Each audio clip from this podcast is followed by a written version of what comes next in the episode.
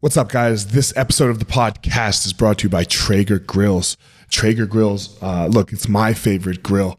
I use it multiple times a week.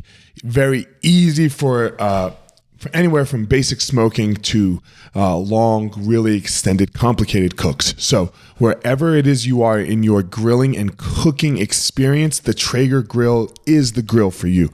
TraegerGrills.com. Get you one. What's up, guys? This is former UFC fighter Elliot Marshall, and you are listening to The Blueprint. I believe that there's a blueprint of how the most successful people structure their lives. They don't all do it the same, they don't all do the same things. And on this podcast, you're going to hear inspirations, motivations, and stories about how they go through their life.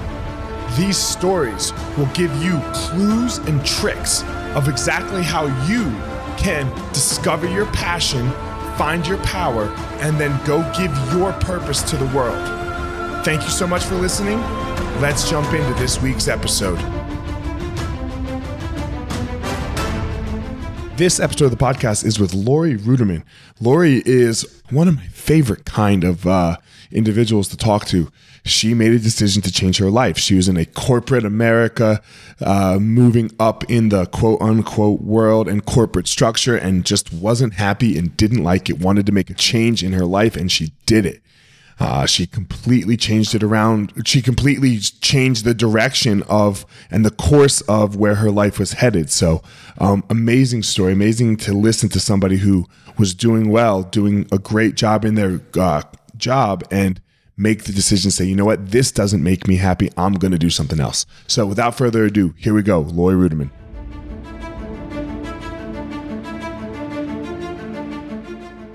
Laurie, how are you? Oh, my friend, I'm great. How are you doing today? I'm really good. Um, I have a question for you. I was just, uh, I do very little research about my people that I'm going to podcast with. You know, I, I, like to do it right, uh, right when I book the guests originally, yeah. and you know, or approve approve the guests, and then I like to do it right before we jump on, uh, so I can go on the journey with people. You know, so sure. uh, I Instagram stalked you for a second and uh, you're not very active. You have 34,000 followers with three posts. You you are amazing how you've done that. Yeah. Um, but I, but one of your posts says fear is your only god. Yeah. And that's my first question for you. What are what are we doing? What are we talking about there? I would love we, to hear uh, about your feeling here. Well, you know, I have to say at one point I was very active on Instagram and I was too active. I was addicted, right? And mm-hmm. uh, spending a lot of time, and there was no ROI. And I thought, oh my God, what am I? What am I afraid of? What else am I not doing? Right? Why am I on my phone so much? So I wiped my Instagram account free, free of the past, free of nostalgia, free of the photos that I thought, oh, I look amazing in, or oh, those are cute. And I just put up three photos that I wanted to represent me. So one of them is from a Rage Against the Machine concert, and the statement fear, you know, it, it, I, I can't remember exactly what it says, but you know, fear is your only God if you live in this world where you're making decisions, I think, based on narcissism based on comparison, based on this idea that we have to conform. And so if I want something to be up on Instagram, I want it to be a statement that you don't have to be on Instagram. Go do something else. So yeah. Fuck yeah. Yeah, fuck yeah, indeed. So, mm-hmm. I, you know, I'm I'm pleased that you didn't do any research because it allows me to come on and um, I don't know, tell a more authentic story. So, I used to have a job like so many people in this world, in the world of human resources. And I thought, there's got to be more to life. And so I quit it. I mean, after saving, after trying to invest in myself, and leaned into really four quadrants that I hope I get to talk to you about today. The first quadrant is self leadership, which is the art and science of individual accountability. The second quadrant that I leaned into is well being, and I don't mean in some like hippie woo woo way. I mean like really thinking about how to be whole in body, mind, and spirit. The third quadrant is continuous learning because I believe when you're learning, you're growing, you're growing, you're thriving, and that's what life is all about. And then the fourth quadrant I really fucking tried to own is risk taking. how to make sure that I fail in better, smarter, more interesting ways and not the same way over and over again. So that's really the four things that I'm all about. Guys, I hope you got enough out of this episode. That's been a really great episode. She dropped everything you needed to hear right there. Holy shit. Yeah, yeah. Uh, Rage Against the Machine, first of all. Oh my God. Hell yeah. Right. Right. Uh, Nice. I mean, you want to be punched in the face, they'll Let's do go. it for you. They will just yeah. tell you exactly what's up. And, you know, I think for many of us who live in a corporate world, we may have been interesting in a past life. We may have gone to concerts and enjoyed music and lived a life that was a little alternative, right? And then we go to work and we sacrifice and we get addicted to these things that create so called social mobility. But if you get high enough up in the food chain, you realize that you don't get any of that unless you make it, right? And so I worked for big, large corporations and I always wondered why did other people have freedom? Why did they have money? Why did they have the ability to do what they wanted to do? And that's because they grabbed life by the throat and took it. And so that's what I tried to do. So, yeah, Rage Against the Machine is one of my big influences. I love Rage. I, I love them. I love everything they they they stand for. I, I love the name of them. You know, uh, I think sometimes people take it too far that you yeah. know like, you know i mean there's uh, a lot to be angry about in this world yeah there's a lot to be angry about yeah. with without a doubt but uh there's a lot to be grateful for as well for, for sure for you sure. know and and there's benefits and drawbacks to everything Absolutely. you know e- even the good there's there's a drawback to the good so uh yeah. makes you comfortable for sure. it sure. makes you come yeah. yeah and uh like one of the things that you were just talking about this uh I don't know. I feel it sometimes, right? Because as my company grows, I own martial arts schools. Yeah. And you start to have, you know, we have 150 employees and you start to have to do this stuff where you're just like, oh God, like, I don't know if I like this. Like, yeah, this, you know, but you have to. Interesting how that happens. Success can, you know, breed all kinds of opportunities, but it can breed complacency. You know, now I go around the world really talking to people about what it's like to be an authentic leader and what it's like to make a difference in people's lives and how to be a leader that people love. I mean, that's really what I'm known for. And one of the things you have to remember is that you're not there for the system. You're not there for the paperwork. You're not there for the timesheets and the payroll. You're there to really make a difference in people's lives. And if you can hang on to that, even in some small way, that truly makes a difference to those individuals and to the success of your business. I know that in my own story, I work with and coach individuals, and I can see that as long as we hang on to that kernel of humanity, uh, we give ourselves a competitive advantage for sure. Mm-hmm.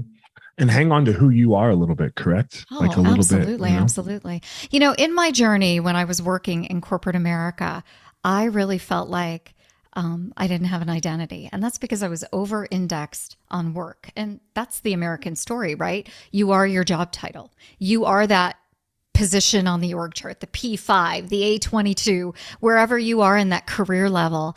And the more successful I got in my job, the least connected I felt to my own identity. And I, frankly, I was just weird. When all you do is talk about work, you become weird.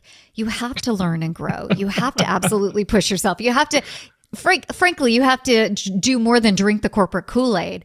But for a long time, I didn't until it was too much, until things were broken, and I had to find another way. What was that like for you? What was that? what was that? Uh, I'm, I'm going to assume probably if you know you're you were doing okay financially in, in yeah, that world, right? Yeah. Absolutely. You know, it was funny because I worked in human resources for a large global pharmaceutical that had 100,000 employees and was trying to get to 50,000 employees, right? It was that time in our history where layoffs were rife, kind of like the season we're emerging into today.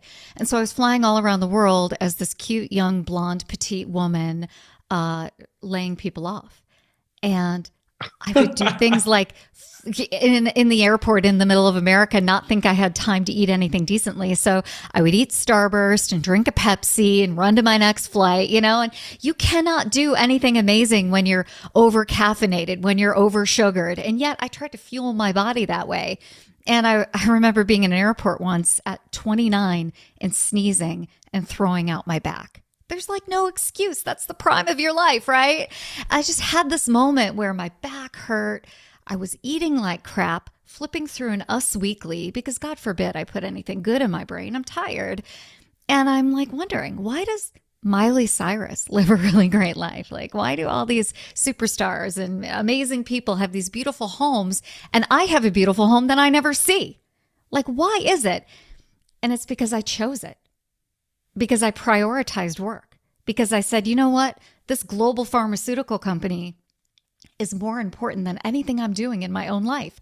These were choices, difficult choices that I made and that I had to unwind. And I didn't do it immediately. But once you kind of start to take ownership for that, you realize the only person who can solve this is me. The mm-hmm. only person who cannot eat that fucking starburst is me. You know, so many people I work with, uh, men, women, you know, caregivers are like, oh, I had breakfast this morning. I ate off my toddler's plate.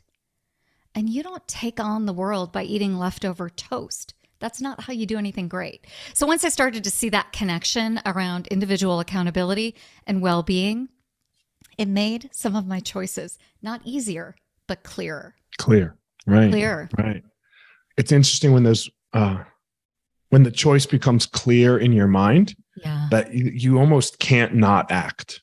Yes. Isn't right. It starts true? to eat you up that, that yeah. you're not acting, that you're, that you're sitting on the decision that you know is correct and going, I'm not going to do it. Like, and not doing it, it kills you once you know it. You know, it's it's interesting because you're right. I mean, I was like, what am I doing? Why am I eating this? Why am I not sleeping? Right. And so I just, because I'm curious, started going around to people who I thought were totally killing it in the world. Like, what are you doing that you look so good? What are you doing that, you know, you're able to get some sleep? And the thing that they were doing was time blocking. You know, a lot of people are on this like phase around quiet quitting. But all this is is professional detachment, saying yes to yourself and maybe just like 10% less to the organization. And that's what these CEOs and executives were doing. They were blocking time off their calendar and saying, I'm not going to compromise, I'm going to run. And I was so inspired by that. I'm like, well, I want to run too. So I started doing that and eventually ran that 5K ran that 10K, and then started running marathons and started running up skyscrapers, which is a hobby of mine. I love to compete and do that. But you have to dedicate that time, which means do less at work, but do it better. Like when you're at work, really kill it. And then you have permission to block that time off on your calendar. And maybe you're not interested in marathoning, but maybe get a hobby like woodworking or ice skating. I don't know, whatever it is you people like to do block that time off on your calendar and do it and know that you can do it because you're killing it at work. I like to point out here of some particulars, right? Like that. So that's why uh, the podcast has recently changed its name, the Blueprint, right? From whatever it is, because I, I want to be clear. Your thing is marathon running, right? Yeah. Or or running or running up skyscraper. Right. Uh, you said you're petite. How much do you weigh? I, I am 120 pounds. So yeah, I'm five well, feet tall, 120 yeah. pounds, and I lift, right? So I'm muscular. I'm eating a lot of protein, um, but that means I have to meal prep. Sure. For me, look, I'm I'm 260. and so yeah. running marathons isn't my thing right no no, and, no. right so there's there's going to be no marathon running in in my near future yeah and but that doesn't mean that we're both not doing the same thing right right we're doing the same thing we're doing the same layout we're doing the same framework that the the thing is different, but it's not, right? No, no. It's taking that time to do what fills your cup and what fills my cup. And what you're saying is so that you actually get more work done. Yes. You don't need to stop yeah. and look at your phone because you're like, oh God, I don't want to do that. You you just get it done. Right. You just get the work done because you already Again, did what you I'm not on Instagram. So, right. You know, I'm not on, I don't have a TikTok for right. a multitude of reasons. Um, I'm barely they on are Twitter. sometimes, though. Yeah. well, you know, I, I feel like if I'm going to waste time, I'm going to do it doing the things I love, which mm-hmm. is um, taking time off and going to see bands. Like this is something I didn't do when I worked in corporate America for 50, almost 15 years. I can't tell you what concert I went to. And now, especially with the world opening up again, I'm like, oh, hell yes, live music. So I work as hard as I work, but then I also try to enjoy my time off, you know? Mm-hmm. Yeah. Yeah. I like to say, I'm never going to not do what I want to do. No, no. I'm, and I, and I as adults, it. we know we have to make sacrifices for the people we of love. Course. Like you have children, right? You know, you have to do some things for your children, but do it with joy. Do it with a sense of being refreshed. Don't do it because you've been working 12 hours a day at a job you hate. And then you've got to just haul your body across the finish line to that T ball game. Nobody wins with that. Nobody. Mm-hmm. I want to talk about your four quadrants. Yeah. Uh, go ahead. What was number one again? Number one was that idea of self leadership, that you are individually accountable for how you show up. You know, many of us in life um, come from positions that are not of privilege. You know, I'm the first person in my family to go to university and paid for it with a bunch of student loans, which meant I graduated with debt, right? But knowing that, I still felt grateful for that opportunity and I worked hard to pay that off, right? And so one of the key things about self leadership is you realize that gratification is going to come. It may be delayed, but it's going to come because you are the owner of your own experience. So you may not be able to go out and party today and live the life that you want today, but if you are in control, you don't let anybody get in your ear. You're not a victim of comparison. You know, good stuff is going to come. And so I really take inspiration from a lot of people in this world, but two people come to mind. One is Nelson Mandela, who was a dissident in South Africa before he was the first black South African president. And no matter how he was treated, he always treated his jailers with respect. And when he left prison the last time, he shook his jailer's hand. It's like, I'm not Nelson Mandela, and I wouldn't expect anybody else to be, but that's a great lesson on perspective. If you own the game, you're playing the long game, right?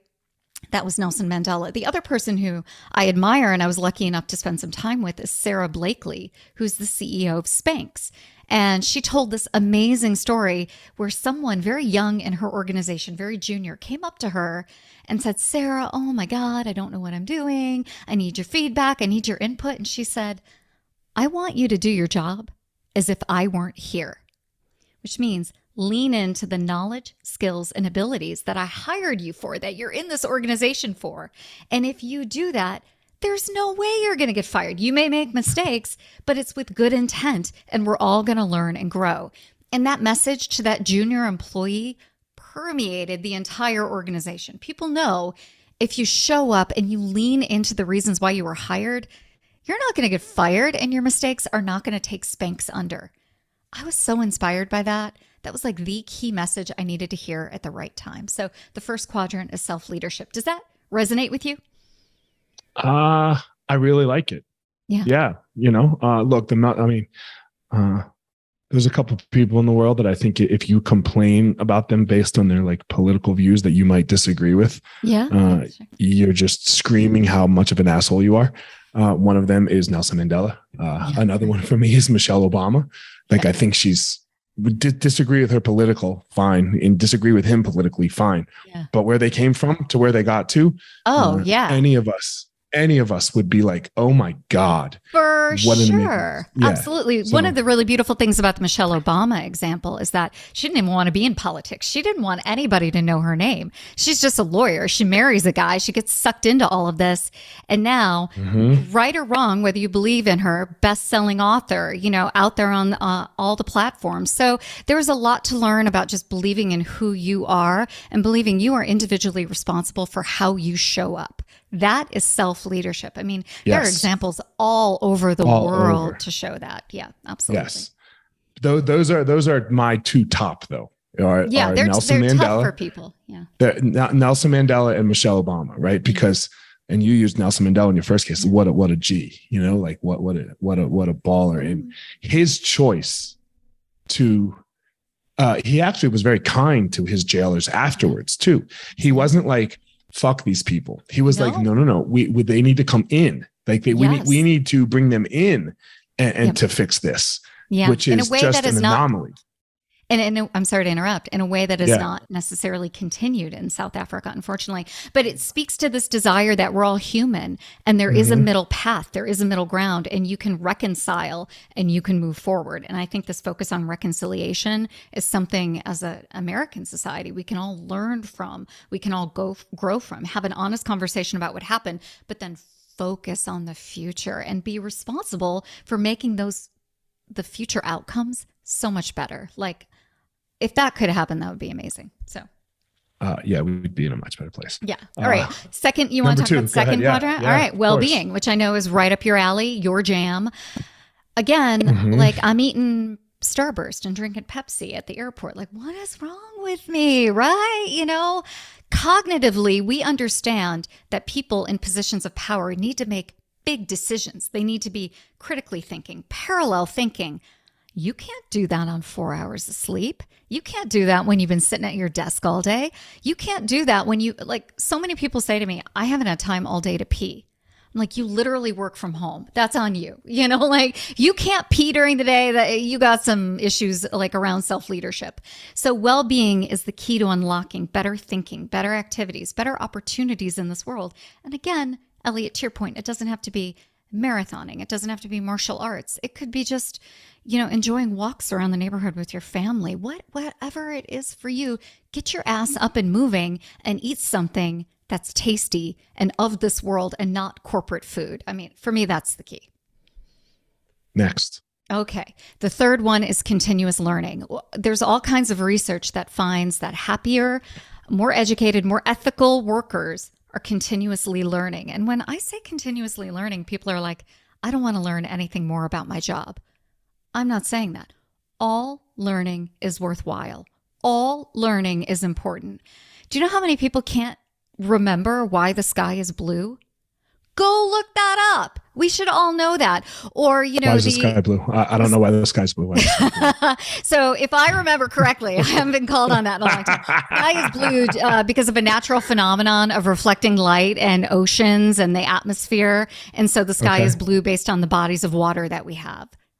That's the what's that? What was that game show? Are you smarter than a fifth grader? Question. That's exactly it. So yeah. we'll, we'll see if anybody calls me out on that. I'm not sure I said that correctly. So, but why is the sky good. blue? Um, when was the last time you looked up at a tree and knew what kind of leaf that is? Right? You know, what are what are the trees in your yard? There are all kinds of questions that we can be asking. So, one of the things that I learned the other day is actually learning about my nail polish and how the history of nail polish is also tied in with the history of paint on automobiles. Like fascinating, hmm. right? There's all kinds of stuff to learn in this world. And when you're learning, you're growing. And when you're growing, you're thriving. And you can take all that really interesting stuff, that energy around learning, and bring it back to your job. So, Elliot, when I have an executive who's like, I hate my job, I want to quit, I want to be a consultant. Like, no, you don't. You are not built to be a consultant after 35 years in the corporate world. But I take them on a 30 day learning journey. And I've had people learn how to ice skate again, learn how to smoke a brisket, you know, learn how to be a for example, I'm working with someone right now who didn't know anything about soccer. His kid is playing soccer and he's like, I want to coach. I want to get involved learning the game. I myself am learning how to play golf. I don't know how okay. to play golf. That's not like a thing that's usually available to petite women like me from Chicago, but I'm learning how to play golf. So taking all, right. all of that good energy and bringing it back to the world. And that's a natural boost. It's a natural antidepressant, it's a natural anti anxiety. So, learning is key. Did you learn how to smoke a brisket with your client? No, because I'm a vegetarian. I'm like, you do you. Um, do you know how to smoke a brisket? Um, I have three grills, girl. Oh, you're you're gonna give lessons, mm-hmm. is what you're telling me. Yeah. I love it. I have yeah, three, I have three grills. Oh, yeah. yeah. I did so, learn uh-huh. some lessons of smoking a brisket, which is um, there are no mistakes. I mean, there are mistakes, but there are no mistakes. You know, you can adjust everything with flavor, you can adjust your approach. The second thing is patience. I mean, this is not something you can do in a day. And the third is that when you smoke a brisket, you can't just eat the brisket by yourself. So you have to invite people in, you have to have a meal around it. And for my client, that sense of community was missing, right? That sense of sitting down and eating with his family was missing. And that's why I love to smoke. That's why I love to cook barbecue. Yeah. For this, it. for this reason, I, I learned to cook and cook big meals with like, bar, like things like barbecue and a brisket be, because I like to do it with people. I love it. I love it. That's it. And, and when you there, learn, there you are major mistakes. I have to disagree with you. There are major mistakes with, with smoking a brisket.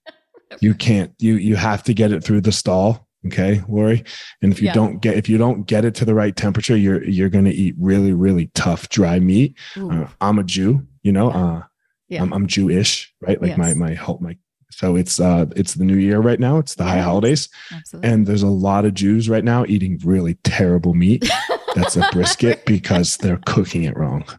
well so. I, I love as a corollary to this in the show notes we're going to give you some lessons on how to smoke a brisket maybe a good recipe so yes, well, uh, yes. Uh, well. So, so, the third quadrant is all about learning, and I feel yes, like you've I nailed it. You right, yeah. learning is community. So yeah, and then fourth quadrant is about taking better risk. And I learned this really cool technique from a friend of mine, Chris Ostich. And it, the technique is called the pre-mortem. It's based in Stoic thinking. So many of us do a post-mortem at work. Something goes wrong, we figure out who to blame, and we write it down like in a binder or a virtual binder, right? You know, put it on the virtual shelf. And then we go to do the thing we want to do again, and we never learn any lessons from that post-mortem. And so a pre-mortem is simple before you do anything in this world, just take a minute, and I mean only one minute, and write down all the ways you're going to fail. So if you're looking for work right now, which many in your audience may be, you think, how am I going to fail at a job interview? Well, you may not tell a good story. You may not make great eye contact. You may be too sweaty, right? You can do a minute of that. And then when the timer rings, you can look at the list and start to deconflict, to remove those glitches before you do the thing you're going to do. And if you do that, you improve your chance of success by over 30%. NASA does it, Cisco does it, IBM does it, like all the big tech companies do it. Airlines do it. Before you put a plane in the sky, you ask, how is this bird going to fucking collapse, right? Yeah. yeah, yeah, yeah. And if you address these issues, you give yourself not only an opportunity to succeed, but to fail in new and more interesting ways. And you talked about Michelle Obama I fundamentally believe Michelle Obama, who is aware of her image, is doing a pre mortem before she does anything. How is this book launch going to fail? How is this podcast going to fail? Right. And if you de risk it, you open up your you open up your life to success, but again, to failing in better ways, more interesting ways, which I think improves you along the journey. So the pre mortem for me is something that I did before I quit my large pharmaceutical company, I asked myself, how am I going to fail? Well, I'm not going to be able to stick to a budget, or I'm not going to have a good business plan, or I don't have a good understanding of my brand. And I started to fix these things while I still had a paycheck, you know, understanding money, cash flow, how to run a business, talking to really great corporate people that I worked with. And when I finally felt comfortable, that's when I left. So the pre mortem is like the secret sauce to success it's very interesting. We I do it. I coach fighters now, right? Like uh, yeah. I'm done. I'm never. Uh, I only fight with my wife, and I haven't won in a really long. I haven't won forever. So, uh, but I coach fighters now, and the day of the fight, we do this pre-mortem. Yeah. We do this. I want you to take one to two minutes, and I want you to think about how that person's going to beat you. Yes. Right? How are they going to win? Like, what are they going to do to you? Literally a minute or two. Okay, you got it. Now, what are you going to do? What That's are exactly you going right. to do to not let them do that to you? You can't focus on it, right? These aren't things that you can like harp on forever. No, you put too many bad Debbie thoughts Downer. in your head. Yeah, yeah, yeah, you know. But you have to be aware of of everyone has a path to, in, in fighting. That person has a path to victory. Absolutely. Right. Yeah. So what's their path to victory? So good. Don't do that.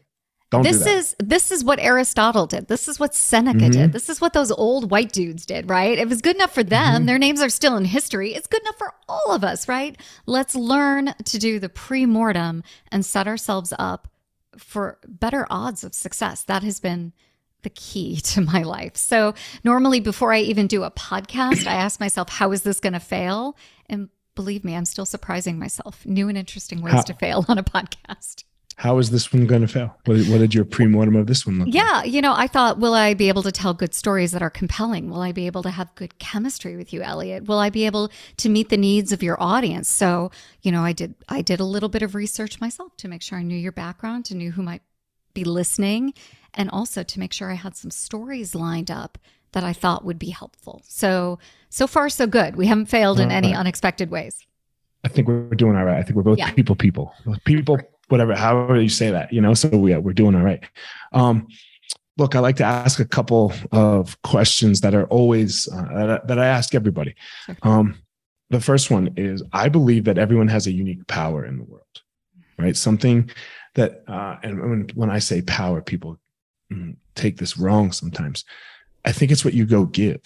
Yeah. It's the thing that you give to the world that the world then returns back to you. And that might not always be money or or or something you know so uh what is your power my mom says that i have an open face and what okay. i mean what, is that, that people mean? people can tell me their stories and they feel like it's safe. They feel like it's a trusted space. They feel like I'm not going to denigrate them. I'm going to listen. And it's true on an airplane, and it was true in corporate America, and it's true in my coaching and my writing. I travel the world and people just open up to me.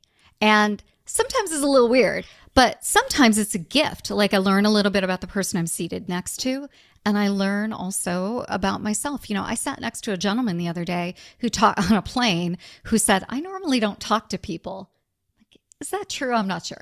you know, but he then mm-hmm. proceeded to tell me the life, like his most recent life story and about a conflict he's having with his brother in law. And we just kind of talked through it, you know, and of course it's rooted in politics. And really, in my approach, I just listened and asked questions. But it's not like I don't have those conflicts in my life around politics, you know, the one aunt or uncle that I disagree with. And it just made me lean into my own sense of empathy and compassion a little bit more. It made me consider my own story. And hopefully it gave him a space to kind of talk through what was troubling him. So I, I think that's my superpower, my open face. Uh, I want to ask you a question about this. What's mine? Yeah. Oh, mine is that when I do it right, right, you know, when I do it right, I can really make other somebody else believe in themselves and, and find their power. Yeah, I like that. You know, when I believe yeah, that. When, yeah, when I can, when I can. Now, look, everything has a drawback, right? There's a flip side to the coin. So uh, I can do it wrong. Some I've, I've done it wrong plenty in my life as well. Yeah. Uh, but when it goes well, whew, it goes really well. Uh, yeah let me ask you a question about that political story for a second. The guy in, in your in the airplane to, to just get on uh, to understand it a little better. Did you did you agree with the person you were sitting next to politically, or did you agree with the brother? Um, I agreed with the person I was sitting next to politically, okay. but it doesn't mean that the brother isn't coming at his perspective. The brother-in-law isn't coming at right. it with earnestness and his mm-hmm. own life story. You know, again, most of us are not born from privilege. Most of us have hardship. Most of us have things we've overcome. And really understanding that is often at the root of the conflict. You know, like how often do you ever say to somebody, "No, like, I get it," or "Tell me more," or "Yeah, things were difficult for you," right? I think sometimes that diffuses a situation, especially in families. You know, I have my own relatives who uh, grew up in the school of hard knocks, have a chip on their shoulder, and really feel like the world hasn't done right by them. And the world has not done right by them. And just saying that to people sometimes is welcome, is important. And so this man had never said to his brother in law, I hear you. You did grow up under hard circumstances. You did have things tough. That really does suck. And I thought maybe offering that and saying, you know, why don't, why don't you just acknowledge that person's pain might be helpful. And also, it reminds me to do that in my own life as well. It's so that like it's so crazy because uh, we're all so similar in we this are. life. Right. There's guarantees, right? You're going to struggle. There's yeah. going to be struggle in your life. And I don't care. But the, the problem that we do is we start measuring my struggle greater than your struggle. Ver, yeah. You know, struggle is struggle. Struggle. Right. Struggle, struggle is yeah. struggle. And if it's, uh, okay, let's be real, not you having more Instagram followers than me or and less than somebody else is not a struggle. So, no. I mean, we, ha- we have to define struggle in, in a realistic way. That's but right. but everyone struggles, and that's a common goal.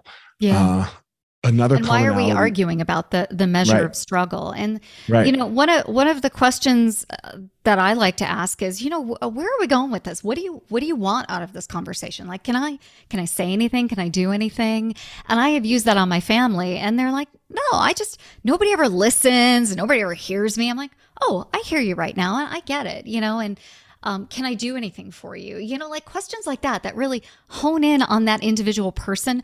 What you're uh, really doing is ministering to that open hole in their heart, you know? Yeah. What, whatever is broken, they just want to be seen for that moment. I want to I want to help people be seen. So yeah. That's that's a great answer. That's a and it's a great superpower. Thanks. Um, I appreciate that. The last preordained question, I guess not preordained, uh whatever it's called pre-thought. Yeah, yeah. You've got you've got your system. Yeah. Uh why did you say yes to this? In a sense, uh hold on. Let me explain a little more. We have very little in common probably on the surface. Maybe our uh maybe our uh our audiences are might be different. Uh you you Google me and I'm probably punching someone in the head or I'm getting knocked out. Like I'm getting hit. I'm, I got just got beat up. I don't, I don't know which one it is these days. It depends on the algorithm. Uh, it doesn't look like we have much in common. And it doesn't, this, this looks like it might be a waste of your time because you're probably not going to see a massive ROI, right? Uh, which is what the world talks about so much. Yeah. So why, why take your hour, 45 minutes, whatever, whatever it is that we do here? You know, years ago, I worked with someone who said, you got to stop doing these like coffee meetings, basically. You got to stop meeting people for coffee. It's a waste of time. It's not a good use of your calendar. Some of the best relationships I've ever created in my life have been these random connections that blossom into something more. So when I can say yes, I do. And I don't feel like there's really a waste of my time. I'm like, what am I doing? I'm not curing cancer here. You know, I'm not mm-hmm. uh, writing the next great American novel. I, I, it's my goal in this world to meet great people and to hear their stories. And if I say no, I'm missing out more than I'm gaining. Like, I'm not, I don't need to protect my calendar. So I say yes more than I say no. And so you're right. I got an inquiry. I Googled you and I went, hell yeah. Like, why wouldn't I say yes? Okay. I, I think that's the beauty of my life. And I think that's the beauty of my message. Um, saying yes leads to so many great things. So that's what I try to do. And I try to live it in my own life. So I was, I'm surprised by that question. I'm honored, uh, frankly, that you asked. And I don't know. I think it's cool. And I think you're great. So here I am. I appreciate it. Yeah. Yeah. I just, I want to change the, uh, the narrative around what an ROI is, is why Good I asked that you. question. So yeah. I like to hear people talk about that. Right. Um, like somebody asked me yesterday if I was uh, going to go to these fights in town. Mm-hmm. And I was like, man, I, I, can't say I'm going to. And he was like, oh, why not? And I was like, I only go to things that I'm going to get paid for. And he looked at me, you know, yeah. and I was like, I'm not talking money, you know, yeah, I'm not talking right. money, right? Like I'm talking like a real ROI. One of my favorite, my favorite things to do is go to my kids' basketball games. I fucking sure. love it yeah. because they love basketball. They love playing basketball. And it's like, uh, I get into it and they're into it and I'm cheering them on. And it's, it, you know, and we like, we go home and we talk about it and we work on our mindsets. And like, it's just this thing that we do together, you know? And I do. So that's a massive ROI for me, a massive one. Experience. You know? No. Yeah. Experience is an uh, ROI. I refuse to attach my dollar to my hour. Refuse. I love that. Because then I'll just try to figure out how to work for more money, right? You get that dollar per hour really high, and now you can't say no, right? True. Like you have it's to true. go do it, you know? so you're like, God damn, I don't want to, but I, you know, so I refuse to attach the two because uh, I want, I want a real ROI. So if I'm getting paid, I'm doing it. Yeah. Is and I, so I want to change that conversation around what is an ROI because I think that's beautiful. It's really important. Yeah, it's yeah. really important. Well, see, I mean, already my time has been well spent, like hearing about your perspective in this world, understanding how you do things, really feeling inspired. I can see why people hire you to coach them up. I like it was totally worthwhile for me. So thank you for sharing your time with me. Oh yeah, I love it. I, this is one of my uh every time I think about stopping podcasting, because podcasting, look, unless you're Joe Rogan or Tim Ferriss or right, there's no real there's no real ROI on it, right? You spend money to edit it or time, right? And, sure. and nobody really pays you back, right? No, you know, okay, Lewis Howes gets paid, got it. Yeah, uh, yeah. But for 99% of us, we don't make money no, on our podcast. The passion. Yeah. Yeah. So why do it? And every time I get on the damn uh, Zoom and do a podcast, I'm like, God damn, that was amazing. I love yeah, that podcast. Good, like, I like good. this person. So, I love it. Well, yeah. I'm inspired as well. So thank you so much for the opportunity. Yeah, thanks for coming on. Tell everyone where they can reach out and uh, if they want to work with you or feel inspired by you. We know it's not Instagram. So how do we find you, Laurie? you know, I mean, feel free to find me on Instagram. I answer messages. Yeah. Um, but okay. I, I'm a I'm available at the website punkrockhr.com or you could Google I hate human resources and you would probably find me. Uh, I'm Laurie okay. Ruettimann and I'm the author of a book called Betting on You how to put yourself first, and finally take control of your career available everywhere books are sold. So thanks again for the opportunity. It's been really fun. Yeah, Laurie, it was great. One, uh, I don't know many Loris. The other Lori that I do know uh, well is my best friend's uh, sister, and we like really grew up together. He's like my brother, and he passed in 2020. So I've, uh, and it's yeah. Um, I'm sorry. And it's okay. And I have a real connection to the name Lori. So I, I'm pretty sure as soon as I saw your name, before I even looked, I hit the approve button. just like out of like a sign, and then I looked. You know, like I was like, oh, I like this person. So uh, I'm really glad that it turned out good without my just you know hitting approve. So yeah. thank you so much for coming on. I appreciate it. Everyone, as always, don't go out in the world and try to be Laurie. She has her own unique and special gift that she goes and gives to the world. Don't go out and try to in the world and try to be me because I have my own unique thing that I do. Go out in the world, everyone, and please find your own power. Thank you so much for listening to this week's episode. I hope you found something useful that you can take and implement into your life. Don't forget to head over to wherever you are listening to this podcast and leave a review. That would be greatly appreciated. Also, go follow me on social media at Fire Marshal 205 on Instagram. Leave a comment, anything that you would like there. And as always, if you think this would be useful for somebody else that you know for their life, send it their way. That would be greatly appreciated. That's it for this episode, guys. I hope you all have a great day and you go step into that power so that you can give your purpose to the world.